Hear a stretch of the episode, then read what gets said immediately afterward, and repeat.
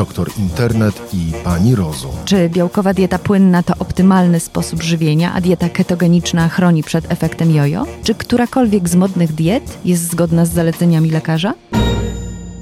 Czy posiłek w płynie jest w stanie zastąpić obiad? Czy dieta Dąbrowskiej to odpowiedź na problemy z tarczycą? Pytamy profesor Małgorzatę Kozłowską-Wojciechowską, gastroenterolog, znaną jako profesor Zdrówko, szefa Zakładu Farmacji Klinicznej i Opieki Farmaceutycznej Warszawskiego Uniwersytetu Medycznego. Dzień dobry, witam Państwa. Pani profesor, co z tym posiłkiem wpłynie? Teraz wiele osób, nawet tutaj u nas w firmie, zamiast zejść na obiad, przynosi sobie taki um, bidonik. W tym bidoniku jest koktajl białkowy. Do, do tego proszku dodają albo mleka, albo wody i twierdzą, że dzięki temu są zdrowsi. Proszę Państwa, przewrotnie odpowiem. Kiedy Państwo nosili y, żakiety wypchane poduszkami? No, jakiś czas temu. W latach 80. Prawda? Potem one zaniknęły, teraz podobno znowu wracają. No i to jest jakby odpowiedź moja na te diety. Dieta to jest złe słowo w polskim rozumieniu. Dlatego, że dieta, po grecku daita, y, bo z greckiego słowa ona się wywodzi, oznacza model, sposób żywienia sposób żywienia. Po angielsku diet dokładnie to samo oznacza.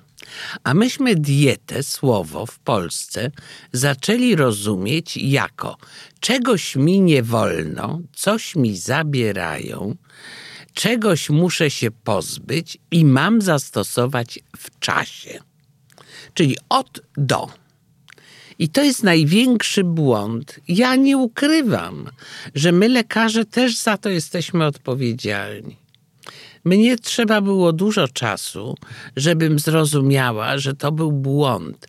Bo proszę Państwa, dieta może być elementem terapii, ale dieta, nie jako to słowo rozumiane po polsku, nie ma być sposobem życia Sposobem życia ma być styl życia, którego elementem nieodzownym jest sposób odżywiania.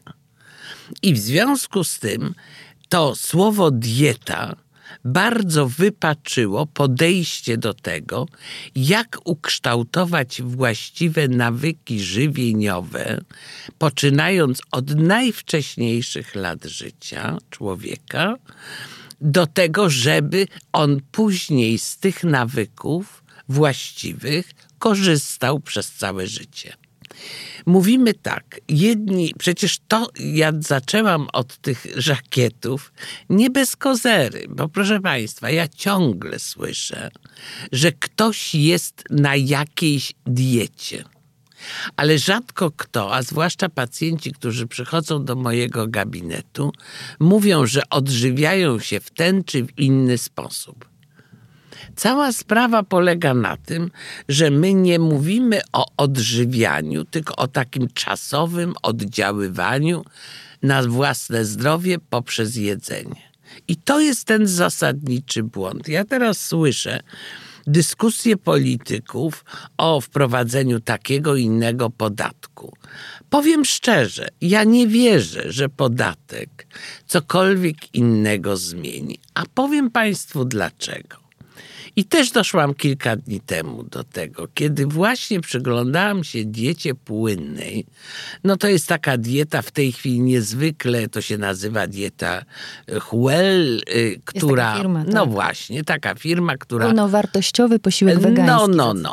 Tylko proszę się przyjrzeć, jakie oferuje smaki tych napojów. Czekolada? Czekoladowy, waniliowy, karmelowy, trówka. Tak. Wszystko to, co człowiek generalnie lubi jeść. Bo oczywiście to nie jest 100%. Ja znam pacjentów, którzy słodyczy nie biorą do ust. Ja, no nie powiem ile, ale blisko pół wieku nie wezmę do ust napoju słodzonego. I jeśli mi pani do kawy, do filiżanki kawy wrzuci trzy ziarnka cukru, to ja poznam, że ona jest słodzona. Ale to nie znaczy, że ja nie lubię zjeść czekoladki czy ciasteczka to jest coś, co jest moim nawykiem, że ja nie słodzę. I teraz, jeżeli ja słyszę, że ludzie przechodzą na dietę płynną, przepraszam Państwa, jak długo chcecie żyć na płynach? Czy to ma się stać Państwa udziałem taka dieta płynna na całe życie? Przecież to jest właśnie taki, taka moda taki odruch. Jak ja słyszę dieta bez tego, bez tamtego, bez owego, bez czegoś tam jeszcze, no to jest bez sensu.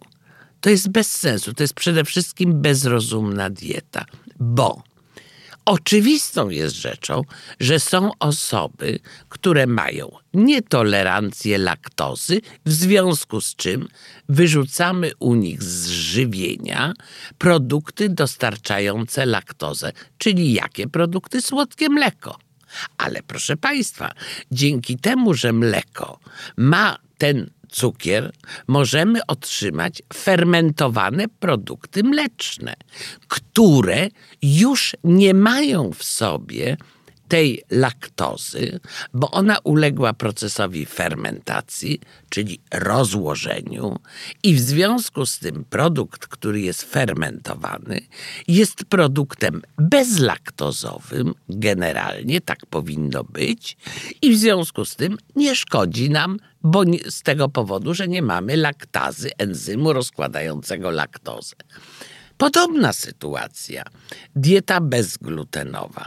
Ja jako gastrolog mogę Państwu powiedzieć, to była fundamentalna forma leczenia i jest do dnia dzisiejszego. Nie mamy lepszej u osób, które są chore na celiakię. Proszę Państwa, czy połowa tego społeczeństwa jest chora na celiakię?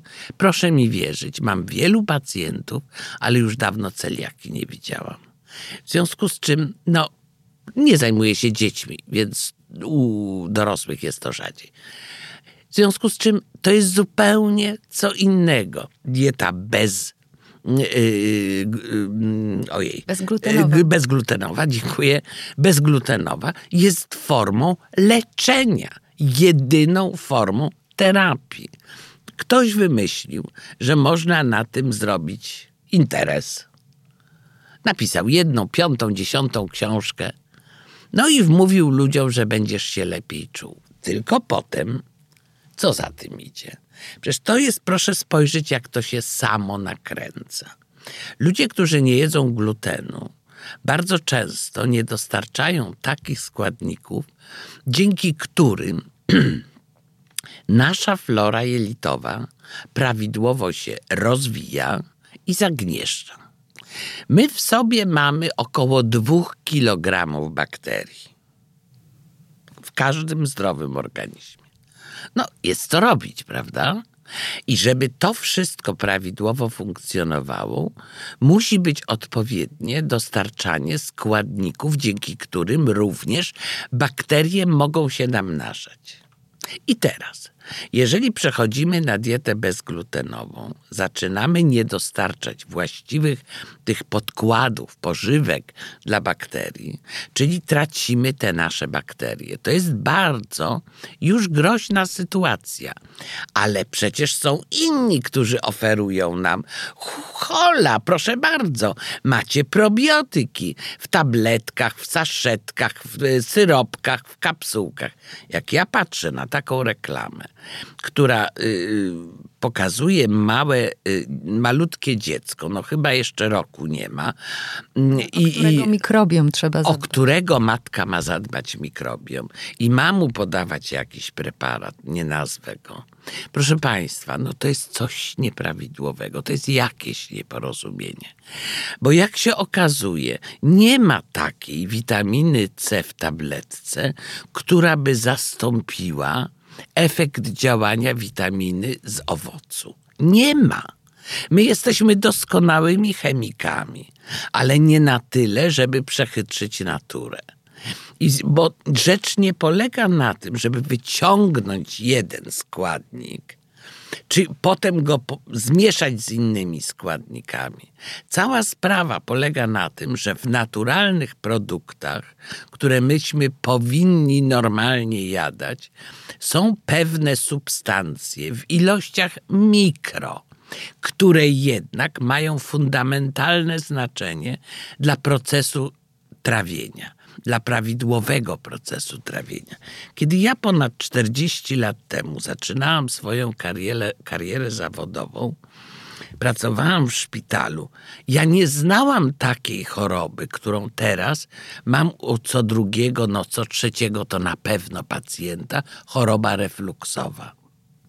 To w ogóle nie istniało. Pani profesor, mówi Pani o dzieciach i tutaj, mm, żeby mi nie uciekło, y, te dzieci się nie ruszają, nie rusza się też ich przewód pokarmowy. Rozumiem, że na takiej samej zasadzie on się nie rusza przy y, okazji tej diety płynnej. Czy to szkodzi? No oczywiście, że tak. Znaczy, proszę Państwa, jeżeli ktoś chce się odchudzić, jeżeli ktoś ma 5 kilo nadwagi, to dla niego zastosowanie takiej diety płynnej jest ryzykiem, zaraz powiem dlaczego, ale może to zrobić.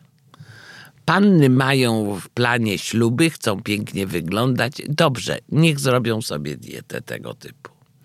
Tym bardziej, że jeżeli producent nas zapewnia, że ona jest w jakimś sensie zbilansowana. Proszę Państwa, ta dieta Hill jest dietą podobną do diety Cambridge, którą kiedyś żeśmy mieli. Do diety... Mm, Forever, Ultra chyba. Dokładnie. Tych diet było multum. Multum. I można to w ten sposób potraktować. Ale to nie może być sposób na życie. Natomiast dlaczego mówię, że to jest pułapka i niebezpieczna?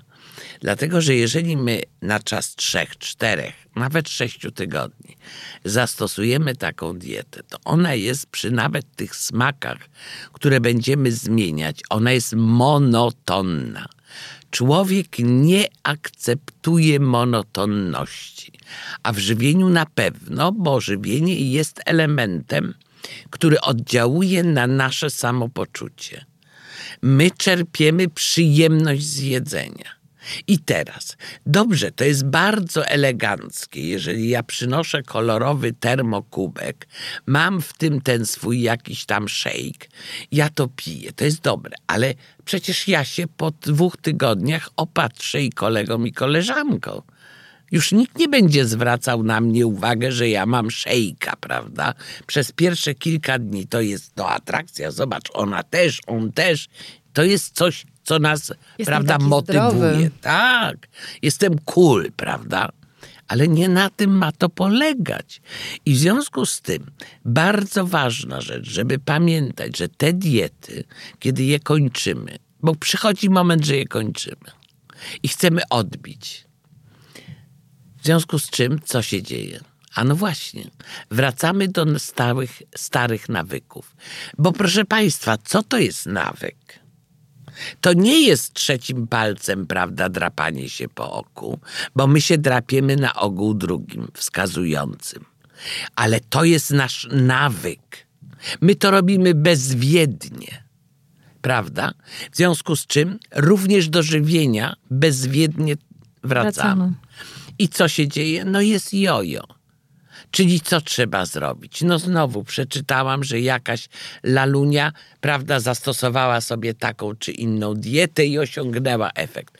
Proszę Państwa, nie wierzmy, bo to cudownie na Instagramach wygląda.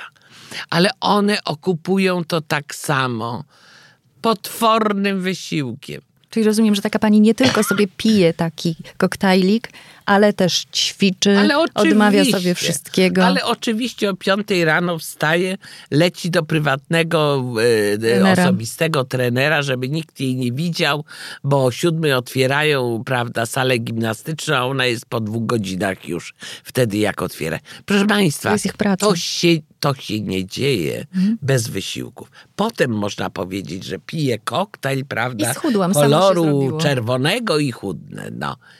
Natomiast y, i to jest moim zdaniem no, problem diet płynnych. Jeśli chcesz zrzucić 3 kilo, zastosujesz to przez 2-3 tygodnie, proszę cię bardzo, nic się nie stanie pod warunkiem, że zdrowa w to wchodzisz. Bo jeżeli masz już jakieś choroby, to nie eksperymentujmy. Dlatego, że mamy coraz więcej dowodów na to, że dieta, skład jej wpływa na bardzo wiele chorób, o których jeszcze żeśmy nie mówili. Kiedyś mówiliśmy o tak zwanych chorobach cywilizacyjnych na tle wadliwego żywienia, choroby układu krążenia, nowotwory, osteoporoza i tak dalej, cukrzyca, no otyłość, to żeśmy wymieniali dna moczanowa jednym tchem. Teraz wiemy, że to nie jest takie wprost, że prawda, tu zjem taki kawałek mięsa, a tu zjem coś tam innego i będę chory. Nie, na to pracujemy latami i jednym z elementów istotnych na pewno jest dieta. I w związku z dieta jest jednym z elementów, no, który najprościej wpływa na wahania masy ciała. To wiemy o tym dobrze. Ale też no, u jednych bardzo to się odbija, u innych nie. Y, Mój brat rodzony może zjeść cztery tabliczki czekolady na jedno posiedzenie i po nim nigdy tego nie było widać. Po mnie pół tabliczki, o już od razu widać. W związku z czym, a jesteśmy z jednej mamy, z jednego taty. No więc to są te różnice, tylko genetyka nasza jest. No właśnie, genetyka. Mówiłyśmy przed programem o tym, że teraz e, zachęca się e, ludzi do innej diety. Dieta e, na podstawie badania DNA, dieta zgodna z DNA i takie badanie kosztuje 700 zł, pewnie ułożenie diety. Kolejne pieniądze. staniało. Staniało, bo e, z 1300 zł, prawda, promocja. I jedna z e, aktorek bardzo popularnych, która przez chwilę po urodzeniu dziecka miała, no tam te dwa kilo, może więcej, podobno właśnie na takiej diecie te dwa kilo, a może nawet cztery straciła. No i dobrze. Co to za dieta, pani profesor? Państwa, nie wierzę w takie diety. Ja wiem, był taki trend kilka lat temu, to było z jakieś 7-8 lat temu, że właśnie wszyscy mieli się, e, no mieli badać sobie to DNA, wysyłano to za granicę, w Polsce tego nie robiono i na tej podstawie układano jadłospisy. Nie potwierdziło się, że to działa. Nie potwierdziło. Ale proszę zobaczyć, pani mówiąc o tej diecie, zwróciła uwagę na jedną fundamentalną rzecz. My musi odchudzanie, ale przecież nie tylko żywienie wpływa na odchudzanie, ale to jest w podtekście słowa dieta absolutny fundament. Tu można stawiać równość. Odchudzanie jest jedną z najgorszych, najgorszych, najtrudniejszych mm, terapii w medycynie. Dlaczego? Dlatego, że proszę zobaczyć, my musimy przede wszystkim wpłynąć jednoczasowo na percepcję, akceptację, decyzyjność człowieka, zmieniając jego sposób odżywiania. To jest wszystko razem przynosi efekt. Jeżeli czegoś po drodze zabraknie, to efektu nie będzie. Czyli to jest szalenie trudny proces. I o co tutaj chodzi w dietach? Ja pamiętam, jak w 1995 roku byłam w Stanach Zjednoczonych, Food and Drug Administration i taka pani profesor Kalkow, bardzo znana osoba, która była twórczynią y, tego labelingu, czyli informacji o y, zawartości, wartości odżywczej produktów. Ona mnie zaprowadziła do y, archiwum i mówi tak, ja pani coś pokażę. Proszę zobaczyć, tu są Amerykanie przysyłają nam diety. Tam było ponad 35 tysięcy diet. No oczywiście to jest niemożliwe, bo ktoś, kto prawda wyjmie na śniadanie kawałek y, chleba, myśli, że już ma dietę. Nie. Proszę Państwa, no na tym to nie polega. Dieta jest jedna. Jedna. Czyli trzeba dostarczyć organizmowi rozmaitych składników, które pokryją jego dobowe zapotrzebowanie na te składniki. Koniec, kropka. To jest definicja diety. Jest, I to jest dieta dla wszystkich, którzy mówimy, że są zdrowi.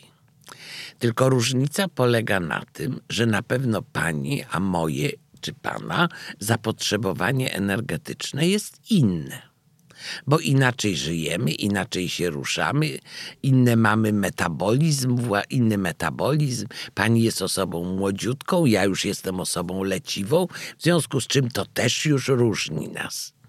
I w związku z tym te różnice powodują, że ten sposób żywienia ulega zmianie w stosunku do tych warunków yy, yy, naszych fizjologicznych.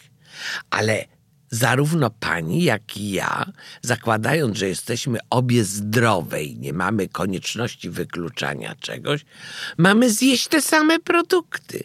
Ja w poniedziałek, a pani może w środę, ale one mają być w naszych jadłospisach. I to jest właściwe podejście do diety. Ale to ludzi nie przekonuje. Przekonuje ich pani ulubiona Dąbrowska, do której właśnie chciałam przejść. No właśnie. Której się przypisuje właściwości zdrowotne, której się przypisuje właściwości leczenia na przykład problemów hormonalnych związanych z hormonami tarczycy. I no, muszę powiedzieć, że ta dieta trzyma się bardzo mocno. Ona się zdaje się ponownie trzyma mocno. Natomiast moje koleżanki od kilku lat e, moim zdaniem robią sobie krzywdę. Ja sama spróbowałam tej diety. E, po e, dwóch dniach zrezygnowałam, bo ona chyba nie jest dla ludzi, którzy mają problemy z żołądkiem. Absolutnie dla osób chorych na jakiekolwiek choroby przewodu pokarmowego ta dieta nie jest. Ja uważam, że nie tylko oczywiście dla tych osób.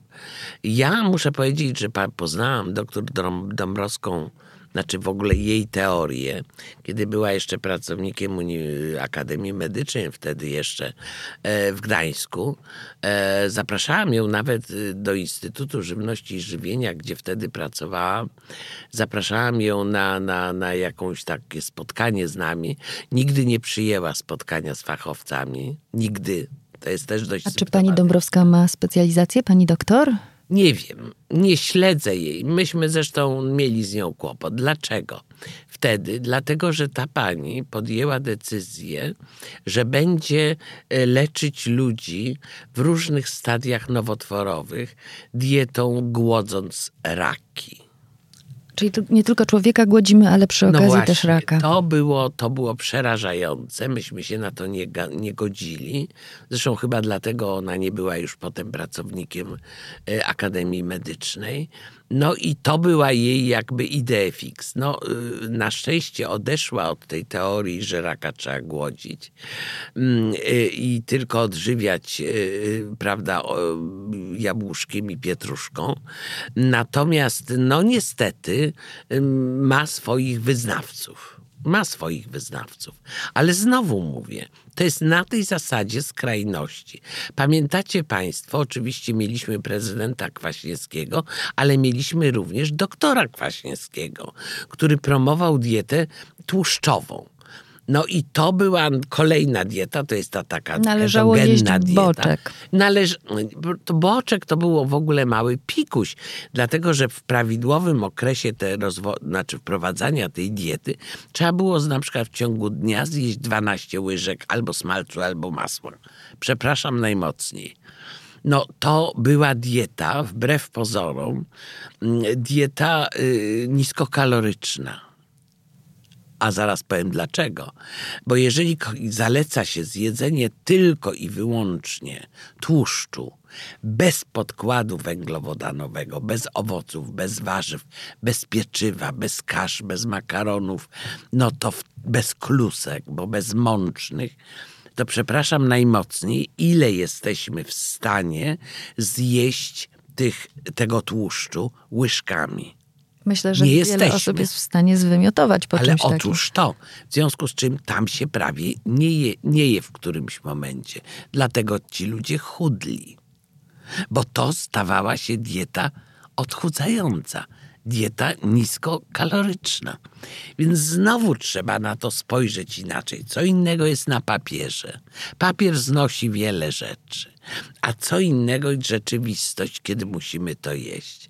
I ta dieta doktor Dąbrowskiej no jest moim zdaniem dietą, y, która nie powinna być stosowana, bo jest to dieta o bardzo niskiej kaloryczności, y, która jest pozbawiona wielu składników niezbędnych, dlatego że ona mm, nie dopuszcza tłuszczu, n- ogranicza w sposób drastyczny ilość węglowodanów, em, ogranicza również białko pełnowartościowe, czyli może generować naprawdę bardzo duże niedobory.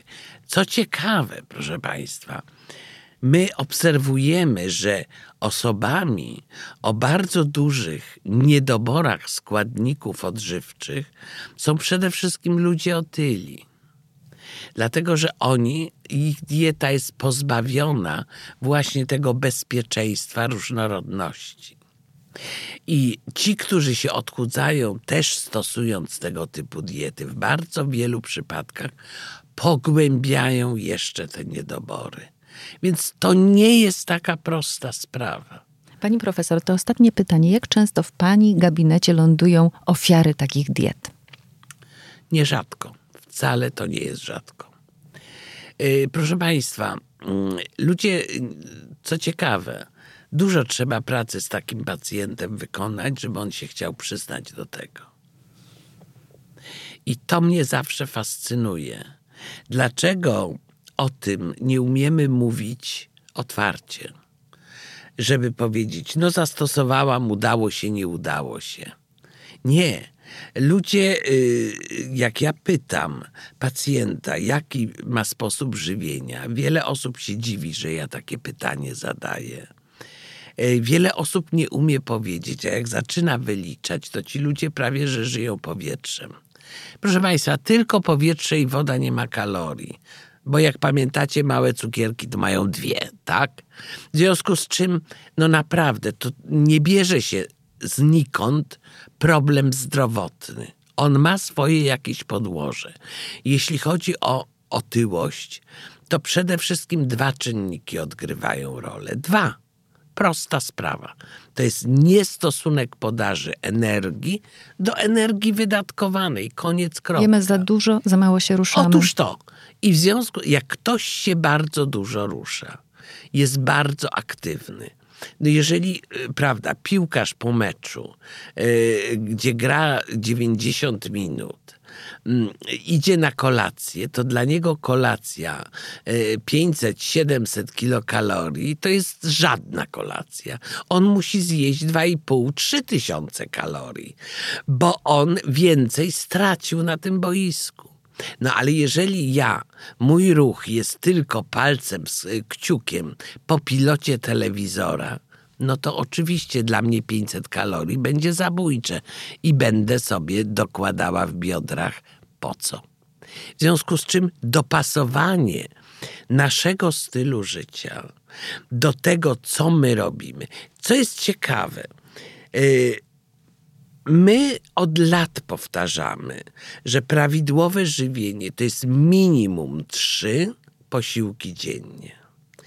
I bardzo ważna rzecz to jest przerwa, przerwa nocna. Ta przerwa, niektórzy mówią, że powinna być wydłużona do 14-16 godzin. Ja się z tym zgadzam. Czyli jest pani za ostatnio modną dietą e, 16-godzinnego postu, jak to niektórzy No tak, nazywają. niektórzy mówią ten częściowy post. Owszem, ja uważam, że to jest dobry czas, żeby 14 godzin dla kobiet, y, dla kobiet i mężczyzn to jest doskonała pora, żeby, żeby y, wszystko szło dobrze. Dlaczego? Dlatego, że my zakładamy, że około 8-9 godzin powinniśmy spać. O im jesteśmy starsi, tym mniej. Ale Przecież od lat, od kiedy ja pamiętam, mówimy ostatni posiłek minimum trzy godziny przed snem. Nie krócej, dłużej tak, ale nie krócej jak trzy godziny. Proszę zobaczyć, to się pokłada z tymi normami, z tymi zaleceniami, które od lat znamy. W związku z czym nie jest to żadna rewolucja. Teraz nazwano to właśnie tym takim naprzemie- post- częściowym naprzemiennym, czy tak, naprzemiennym postem, prawda? Niech się tak nazywa, ale to nie jest nic innego. Natomiast ważne jest, żebyśmy pamiętali o tym, że nasz organizm, każdego z nas ma swój rytm biologiczny. I ten rytm biologiczny jest niezwykle istotny, żebyśmy prawidłowo funkcjonowali. Co to znaczy w odniesieniu do żywienia?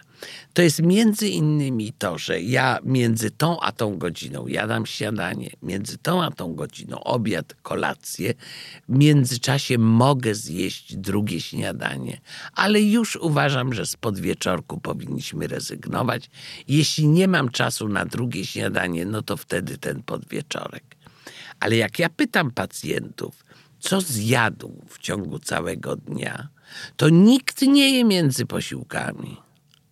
Ale jeżeli proszę, żeby mi to spisali, to oni przychodzą za tydzień, dwa tygodnie i mówią: Pani profesor, ja nie zdawałam sobie sprawy, że ja tyle podjadam. O właśnie. Bo my pewne rzeczy robimy odruchowo i pewnych rzeczy nie chcemy pamiętać. A ważne jest, żeby pamiętać wszystko, bo skoro ja to zrobiłam, no to biorę za to odpowiedzialność. Również za to, co do ust wkładam. Dziękuję bardzo pani profesor. Dziękuję. To była audycja Rzeczpospolitej Doktor Internet i Pani Rozum.